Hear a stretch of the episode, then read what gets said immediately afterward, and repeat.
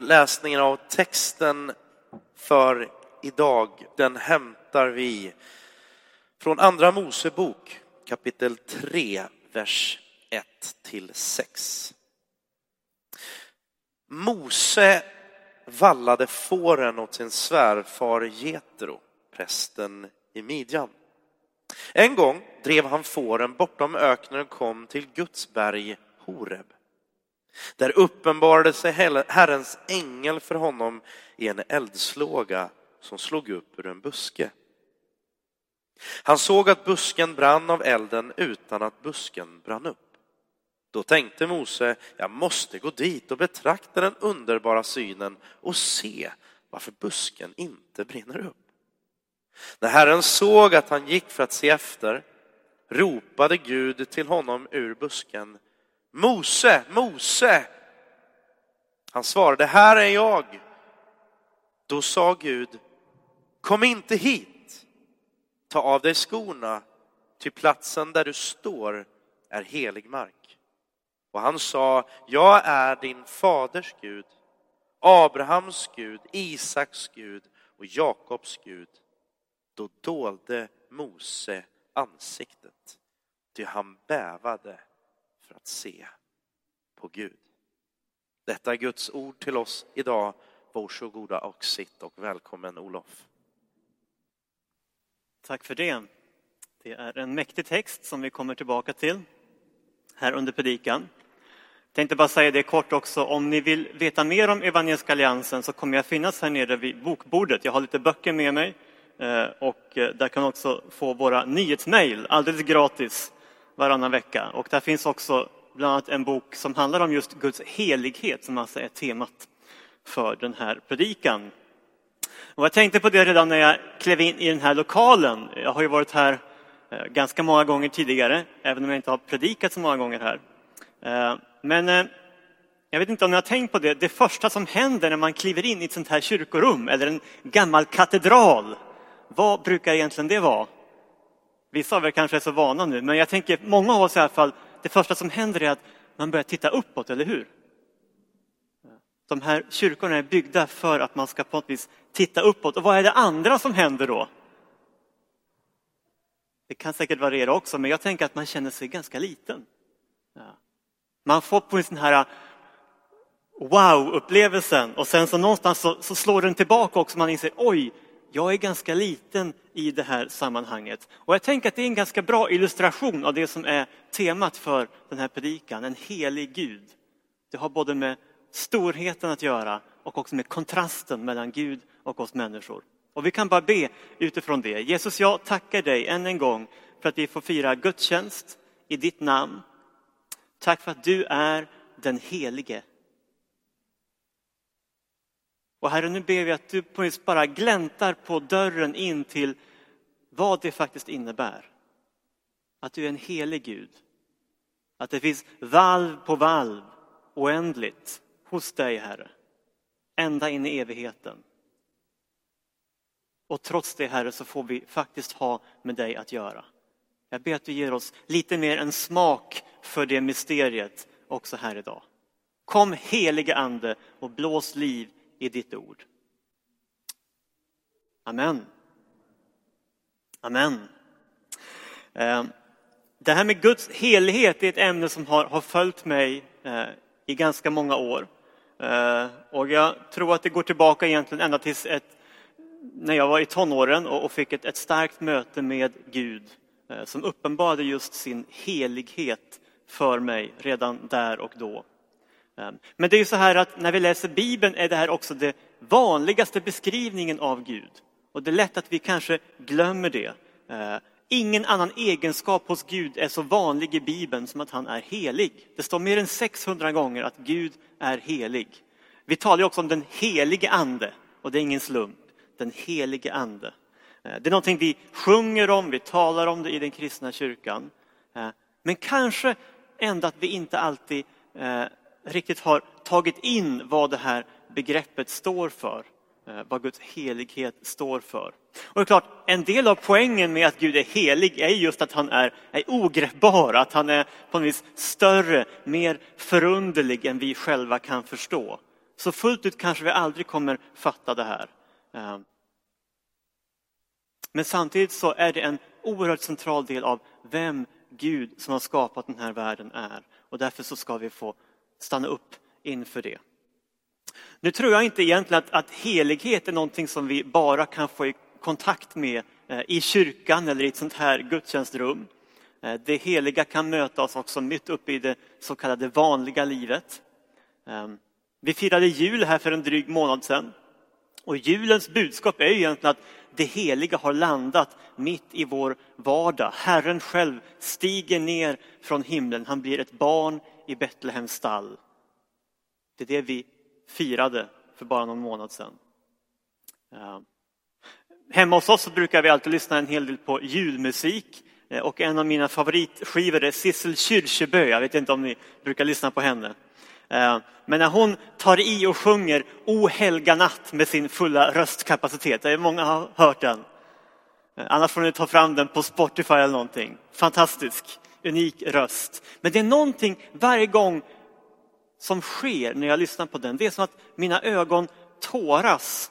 Eh, inte bara för att det är en vacker sång, och det är det verkligen. Eh, men det är på något sätt som att hon, hon, hon sjunger den på ett närmast perfekt sätt. Oefterhärmligt sätt. Och jag tänker att där får vi också någonstans en kontakt med det heliga mitt i vardagen här och nu. När vi ser det här, ana den här tonen från himlen, det perfekta.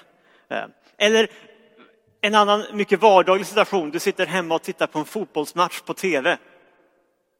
Kanske inget du förknippar normalt med med kyrkan eller tron särskilt mycket. Men så är det någon av spelarna som sätter bollen mitt i krysset. Ett perfekt mål. Eh, och eh, jag vore lögnare om jag sa att jag är någon stor sportfantast, men även jag kan känna när jag ser en sån sak att det är som att faktiskt också där ögonen tåras. Det är någonting som bara sitter fullträff och jag känner det i hela min kropp. Ehm, och jag tänker att det är också ett slags eko av Guds helighet. Vi anar att här är det någonting som stämmer fullt ut och det är någonting av det som också Guds helighet står för. Ehm, men så finns det en annan sida av helighetsmyntet om man så vill. Och det är att i oss själva är vi människor allt annat än heliga. Gud är helig, men du och jag är inte i oss själva heliga på det sättet. När vi ska stämma in i den sång som är hela livets sång, ja då lyckas vi aldrig med någonting annat än att sjunga falskt. Så är det ju. Och när det gäller att göra mål är det ju faktiskt så att det vanligaste ordet för synd i Nya Testamentet är hamartia och det kan översättas just med att missa målet. Det är liksom vår lott som människor. Vi anar det heliga, vi sträcker oss mot det heliga, men i oss själva är vi inte heliga. Vi är bräckliga, vi är syndare. Eh. Och därför kommer vi ofelbart att missa målet med våra liv. Det är Bibelns, en del av Bibelns budskap. Och det gör ju att det här med helighet är också någonting främmande för oss människor. Ehm, det är ju inte en lika rolig sida av Guds helighet, ehm, men jag tror att vi behöver tala också om den. Ehm, sann helighet är ingenting som du och jag kan förfoga över i oss själva. Först och främst för att heligheten kommer från Gud. Men också för att den faktiskt står i konflikt med det som är, är bristfälligt, det som är syndigt i våra egna liv. Och därför är heligheten också enligt Bibeln någonting farligt. För Guds helighet gör anspråk på dig och mig som vi inte kan leva upp till i oss själva. Eh, och jag brukar tänka på det här att sträva efter helighet. Det är lite grann som ett nattfly som är ute och flyger en mörk kväll. Eh, en insekt. Och så får du se syn på en öppen eld. Och då kanske ni har sett det. Det dras oemotståndligt mot lågorna, mot värmen, mot ljuset. Fascineras av detta. Men det är också så att kommer det för nära, ja då får ju elden tag om vingarna och de sveds sönder och flyt faller ner och dör. Ja, men det är också faktiskt en bild av Guds helighet. Eh, som det står i Hebreerbrevet 12. Vår Gud är en förtärande eld. Vår Gud är en förtärande eld. Det är också en sida av Guds helighet. Och då kan man ju stanna upp och bara fundera, ja men är det så nödvändigt att, att söka sig nära den här guden om han liksom är, är så farlig? Eh, eller med vår tids språk, behöver vi verkligen Gud? Vilka behov är han tänkt att fylla i mitt liv som gör att jag skulle söka mig till honom? Det finns åtminstone två väldigt olika sätt att ta sig an den frågan. Guds plats i mitt liv, hur jag faktiskt behöver honom som människa. Och det är två sätt som har helt olika syn på Gud, på Bibeln och på det kristna livet i stort. Och därför tänkte jag säga någonting om de två vägarna. För det första sättet, som är ganska vanligt i vårt land och i vår kultur, eh, det är att vi försöker göra Gud och Jesus så lika oss själva som möjligt. Vi tänker att om Gud ska vara till verklig nytta för oss, ja då måste han i grunden bekräfta oss precis sådana vi är. Han måste ha våra favoritegenskaper, han måste uppfylla våra egna drömmar. Eh. Så med det synsättet så blir svaret på om Gud angår dig och mig eller inte, ja det blir att så länge Gud stryker mig medhårs, så länge han lever upp till mina förväntningar, ja men då kan jag ändå ha nytta av honom. Känner ni igen er? Jag tror att det är ett ganska vanligt tänkande. Men hör ni när jag uttrycker mig så här att allt fortfarande kretsar kring mig. Det är jag som kan ha nytta av Gud. Han får ha de egenskaper som passar mig. Han får göra det som, som jag tycker att han borde göra. Och någonstans tänker jag att det, det blir ju inte Gud riktigt jag sträcker mig efter då, det är ju mig själv. Jag projicerar mina drömmar på Gud. Säger att om Gud kommer till mig på de här och de här och de här villkoren, då är det okej, okay, annars får det vara. Eh, men den guden är ju en spegelbild av mig själv. Eh, för de egenskaper hos Gud som jag inte spontant har på min önskelista, ja men de försöker jag då rensa ut. Och inte minst gäller det förstås de bitar av Guds personlighet som kan utmana mig och till och med vara farliga, svåra. Till exempel Guds vrede över synden. Ett av de genomgående temana i Bibeln, att Gud är genuint vred på det som bryter ner hans goda skapelse. Och jag tänker att i grunden är det någonting fantastiskt. Men det utmanar ju också mig, för jag, som jag sa tidigare, har ju också del i den här världens bortvändhet från Gud. Så jag tror att den vägen är faktiskt en återvändsgränd. Det kommer inte göra att jag får möta den helige guden. Den gör ytterst sett att jag bara får möta mig själv. Och då får jag inte mitt liv förvandlat. Då handlar allt fortfarande om mig. Och därför tänker jag att den andra vägen är, är viktig att få syn på. Eh, för den är egentligen motsatsen till den väg jag har målat upp nu. Eh, den betonar att Gud är någon annan än mig själv. Att han är den radikalt annorlunda som egentligen är ojämförbar. Eh, Paulus han uttrycker det så här. Gud är den enda härskaren, konungarnas konung och herrarnas herre som ensam är odödlig och bor i ett ljus dit ingen kan komma och som ingen människa har sett eller kan se. Kanske får vi upp den där också. Det är en annan beskrivning av Herren. Har ni tänkt på det? Den där solen, eller vad man ska kalla det, i triangeln. Triangeln i kyrkan står ju för treenigheten. Och mitt inne i solen så står Guds heliga namn. Det som kommer lite efter det Daniel läste i Andra Moseboken 3. Och vad är Guds namn? Jo, det är ju Jag är. Det kanske ni har hört. Normalt om någon presenterar sig så brukar man inte stanna där. Man brukar säga jag är det eller det. Det är liksom lite poängen med att presentera sig. Man har någon slags egenskap, någon slags, ja, någonting man vill beskriva om sig själv. Gud är den enda som är. Han behöver inte lägga till något, för han existerar oberoende av allt annat. Han är unik, one of a kind. Och det är precis det som Paulus också skriver i det här brevet. Han ensam är odödlig, bor i ett ljus dit ingen kan komma, oberoende av allt och alla. Men kärleksfull och med en längtan efter gemenskap med alla människor. Poängen med en sån hållning är att Gud är inte främst betydelsefull för att han bekräftar mig eller uppfyller mina drömmar. Nej, men Gud är betydelsefull för att han är Gud. Punkt. Han är. Han är alltings ursprung Och kära vänner, han är också alltings slutmål. Har du inte honom som ditt slutmål, då missar du hela poängen med det här livet. Det är vad jag tror av djupet av mitt hjärta. Inte för att ett liv utan Gud skulle vara helt meningslöst på alla punkter. Gud har skapat alla människor. Men om du missar själva målet, vilken tragedi. Gud är och vi kan få koppla upp oss på honom. Inte så att han börjar snurra runt mitt solsystem utan jag får börja snurra runt honom. Bygga mitt liv utifrån honom. Och det är just för att Gud är annorlunda än dig och mig som du och jag behöver honom. Han har en kvalitet som du och jag aldrig kan få oss själva. Han är helig, ensam helig. Och vi behöver hans helighet. Faktum är att vi behöver den desperat. Gud är den person som vi som sökare hela tiden famlar efter. Eh, men som vi ändå på något vis inte riktigt klarar av att hitta fram till enbart i oss själva. Med vårt tankearbete, med våra goda gärningar. Någonstans kan vi börja sträcka oss mot honom på det sättet, men vi kan inte nå fram i oss själva. Till Guds närvaro behöver vi bli inbjudna.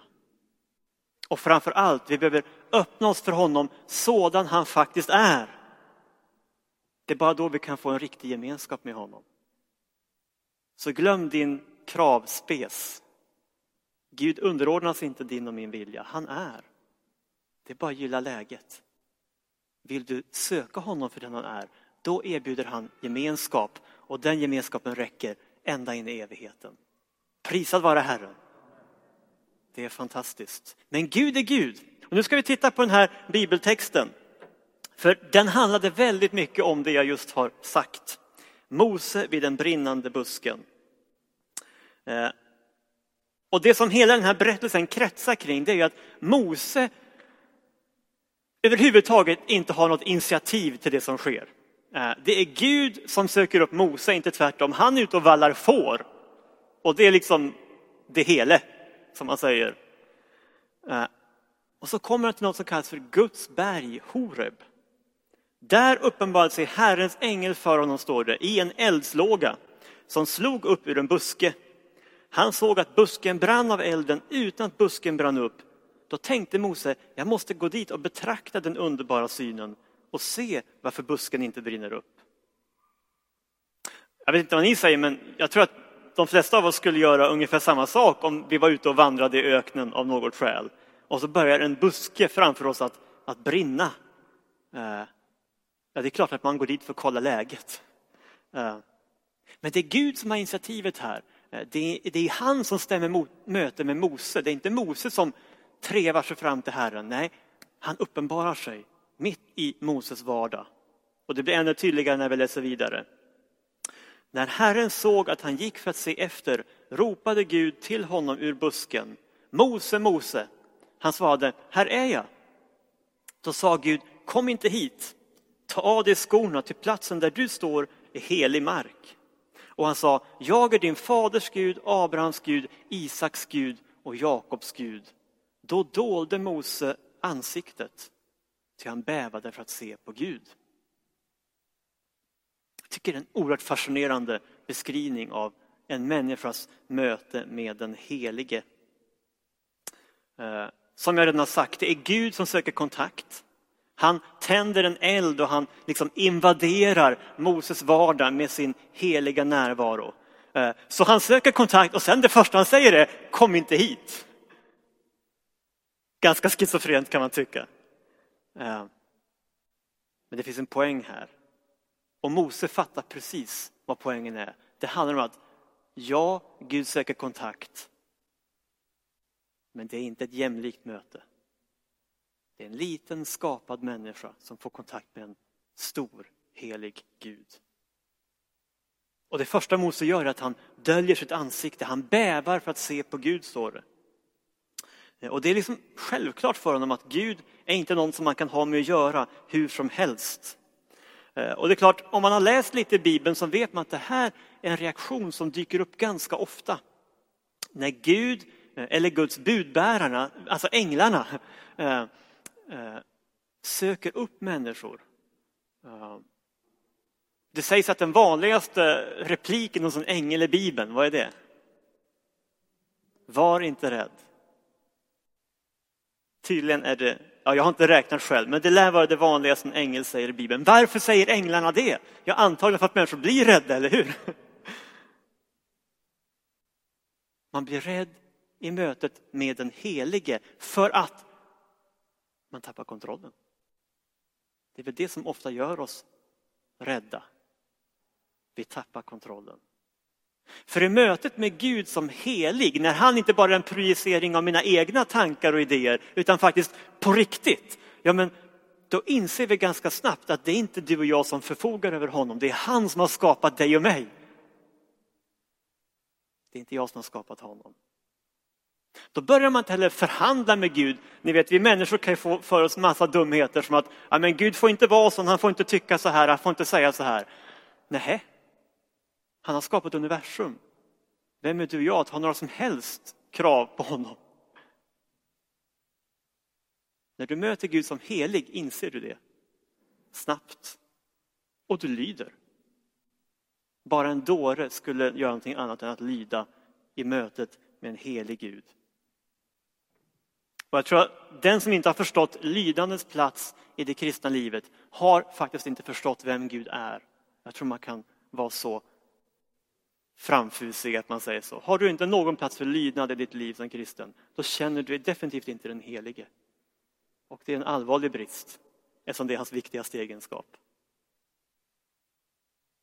Och det underbara är att det här står inte på något sätt i motsats till det som vi hörde innan. Det Daniel läste om att rädsla finns inte i kärleken. För det är ju en god Gud. Gud är helig och god. Den bästa bilden för det här tycker jag nästan i modern tappning, det är ju C.S. Lewis Narnia-serie om, om lejonet. Och lejonet är farligt.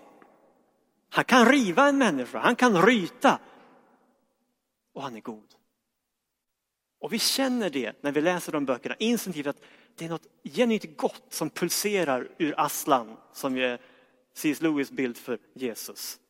Men det sätter också ord på just den här paradoxen. Han är både farlig och god. Han är farlig för att han är så oändligt mycket större än oss. Och han är och förblir god mot alla. Men det här gör någonting med vår relation till honom. Och vi har ju det här när Mose möter Gud så får han uppmana att ta av sig skorna. Det är också en sån här känd bild för gudsmötet. Vad står det för då? Ja, vi kanske tänker spontant att ja, men nu har man varit ute lite grann i, i snömodden, då är de smutsiga och skitiga, man trasar dem av det skälet. Kanske finns det en sån dimension i det. Eh, men det är också så här att på den här tiden var detta att ta av sig sina skor en symbolhandling. Till exempel om du ägde ett stycke mark och sålde det till någon annan. Du är med på det? Du äger ett stycke mark och så säljer du din egendom. Då tar den gamla ägaren av sig en eller båda skorna för att på uttrycka att nu är inte det här längre mitt territorium. Jag har sålt det, det här tillhör inte längre själv. Nu har det övergått i någon annans ägo. Är du med? Det är det som händer här. Mose bekänner, okej, okay, det är inte jag som är herre på täppan här. Jag står på helig mark, jag är på någon annans territorium. Och han tar av sig skorna som en ödmjuk bekännelse av att I surrender. I am at your disposal. Jag ställer mig till den heliges förfogande. Och från den dagen är det Gud som har initiativet i Moses liv, inte han själv. Och han blir ledd av Gud och använd av Gud för fantastiska saker. Han får ju föra hela Israels folk ut ur Egypten. En, en oerhörd story som skulle vara förtjänt av flera predikningar den med. Men det börjar ju här, i mötet med den helige. Och utan det mötet hade allt det varit otänkbart. Äventyret i att tillhöra en helig Gud. Har du fått smak på det? Ja, men då tveka inte att säga att då har du också fått smak på det som är livets mening. Att inte låta dig själv leda dig genom livet utan faktiskt den Gud som har skapat oss alla.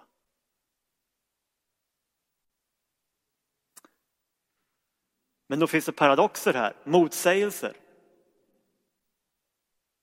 Gång på gång. Gud söker upp Mose, men han gör väldigt tydligt att man kan inte ha med honom att göra hur som helst. Mose attraheras av Guds närvaro, men han har samtidigt vett att ödmjuka sig och dölja sitt ansikte. Han ser att Gud är oändligt mycket större än honom själv. Och då är vi egentligen tillbaka till den här bilden som jag delade i början. Att man kan tänka, eh, jag har delat flera bilder, men nu tänker jag på den här med nattflyt. Fjärilen som är ute och flyger får syn på den öppna elden, dras dit, men också faktiskt sätter sitt liv på spel om det kommer för nära. Vår Gud är en förtärande eld läste vi. Och det står ju faktiskt i Nya Testamentet. Ibland har vi bilden att det här bara är Gamla Testamentets beskrivningar av Gud. Men så är det ju inte. Hela Bibeln talar om Gud som helig. Jesus är lejonet av Juda. Han är allhärskaren. Början och slutet. Och samtidigt är ju hela Guds treenighet, Fader, Son och helig Ande, fridens och nådens och kärlekens Gud. Det finns ingen motsättning alls, men det är en paradox. Och det är lite av poängen med Guds helighet. Vi kan inte få in honom i en box. Han kommer alltid spränga våra ramar. Och så finns också den här fantastiska vilan inbyggd i allt detta. Som kyrkofadern Augustinus sa redan på 300-talet. Du och Gud har skapat oss till dig och vårt hjärta är oroligt till dess det finner vila i dig. Ja, det här är vår bestämmelse, vårt destiny. Har vi det så kan den här oron i våra hjärtan stillas. Någonstans så kommer vi faktiskt hem när vi kommer till Herren. Och har du inte kommit till Herren har du inte kommit hem. För då kommer du fortsätta att bygga ditt liv som om det vore ditt projekt. Med dig i centrum. Och du får aldrig närkontakt med honom. Jag är. Och jag tror att en av de stora bristerna i vår tids sätt att tala om Gud det är att vi har gjort oss av med så mycket av det som man kan kalla för Guds paradox. Vi vill att saker ska vara ganska enkla. Vi tar gärna genvägar runt hörnen. Ehm, det ska vara lättsmält och hanterbart, konsumtionsvänligt. Men Gud låter sig inte konsumeras. Jag har varit hög på den helige ande så jag säger inte att man inte kan på det sättet uppleva saker när man är med Gud. Det kan man verkligen. Men han är inte en konsumtionsvara, han är Gud. Och vi behöver se det och förstå det. Det är inte genom att neutralisera Gud som vi blir bekräftade på djupet. Genom att kapitulera för Gud. Annars är risken att vi gör lejonet av Juda till en spinnande tamkatt. Mysig, fin att ha i knät. Men det är inte riktigt den Gud vi möter. I alla fall inte bara i Bibeln. Vi rakar av honom den där skrämmande manen, klipper av de farliga klorna. Och så undrar vi varför inte Gud verkar beröra oss. Men det är för att det inte är Gud längre.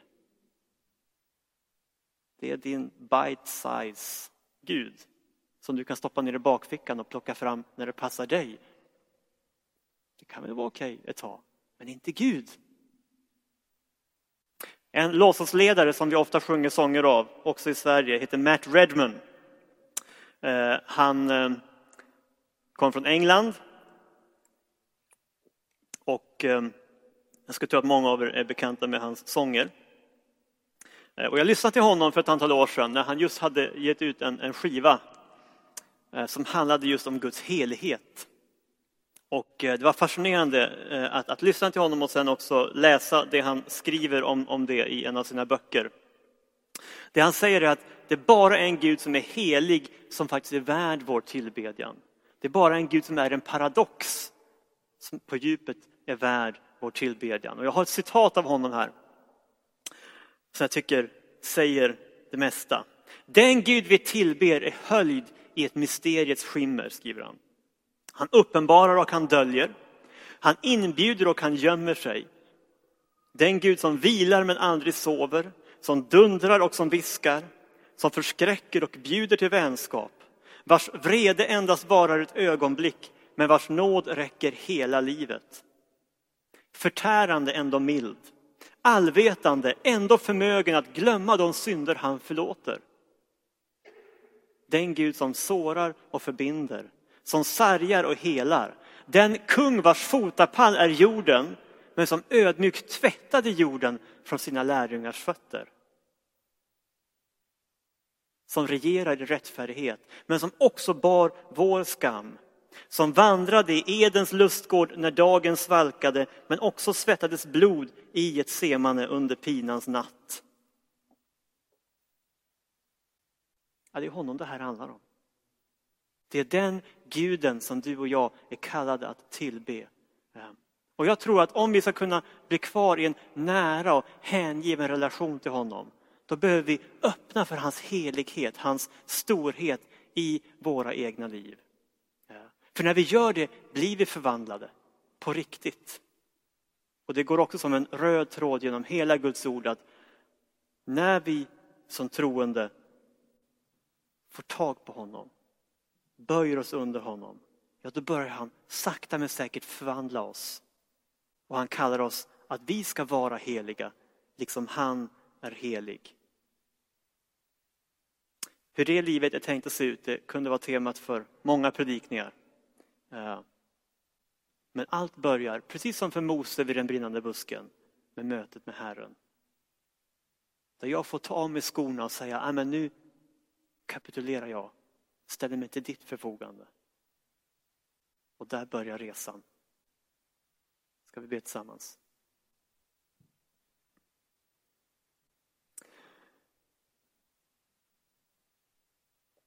Herre, jag tackar dig för att du är helig. Och jag tror att vi alla kan, kan på något vis både känna att vi attraheras av det och blir lite skrämda av det. Att vi inte riktigt förfogar över dig här utan det faktiskt är du som förfogar över oss. Du har skapat oss. Du finns även om ingen människa tror på dig. Men vi skulle inte finnas om det inte vore för dig. Herre, jag ber att du hjälper oss att på något vis överlåta vårt kommando till dig. Låta dig leda oss genom livet. Låta din närvaro prägla våra liv. Tack för att du är god, Herre. Tack för att du är så god att du har skapat hela den här världen för att vi skulle få njuta av den. Förlåt oss bara, Herre, när vi försöker njuta av den utan dig. Herre, det är så patetiskt av oss. Och ändå så trillar vi alla dit. När vi sätter oss själva i centrum istället för dig. Du som är den helige. Och jag vill bara be här att du talar in i våra hjärtan just nu. Du ser att vi finns på olika våglängder och olika livssituationer. Du vet kanske några av oss som aldrig på riktigt har böjt våra knän för ditt heliga majestät. Herre, låt det här få vara en gudstjänst då vi faktiskt gör det. Till och med för första gången. Att sluta försöka låtsas att det här är ett liv som vi kan kontrollera i vår egen kraft. Herre, det är bara du som har all makt i himlen och på jorden. Och Herre, även om vi har vandrat lite länge på vår resa med dig så vet du nog mycket väl vad vi kan behöva bekänna som synd, vad vi kan behöva lägga ifrån oss av tankar, ord och handlingar. Tack för att vi ska få göra det också konkret i mässan. Men Herre, tala in i våra hjärtan och släpp oss inte den här söndagen utan att ha fått göra det som vi faktiskt behöver i vår vandring med dig. Det ber vi i ditt underbara namn, Herre. I Faderns och Sonens och den helige Andes namn. Amen.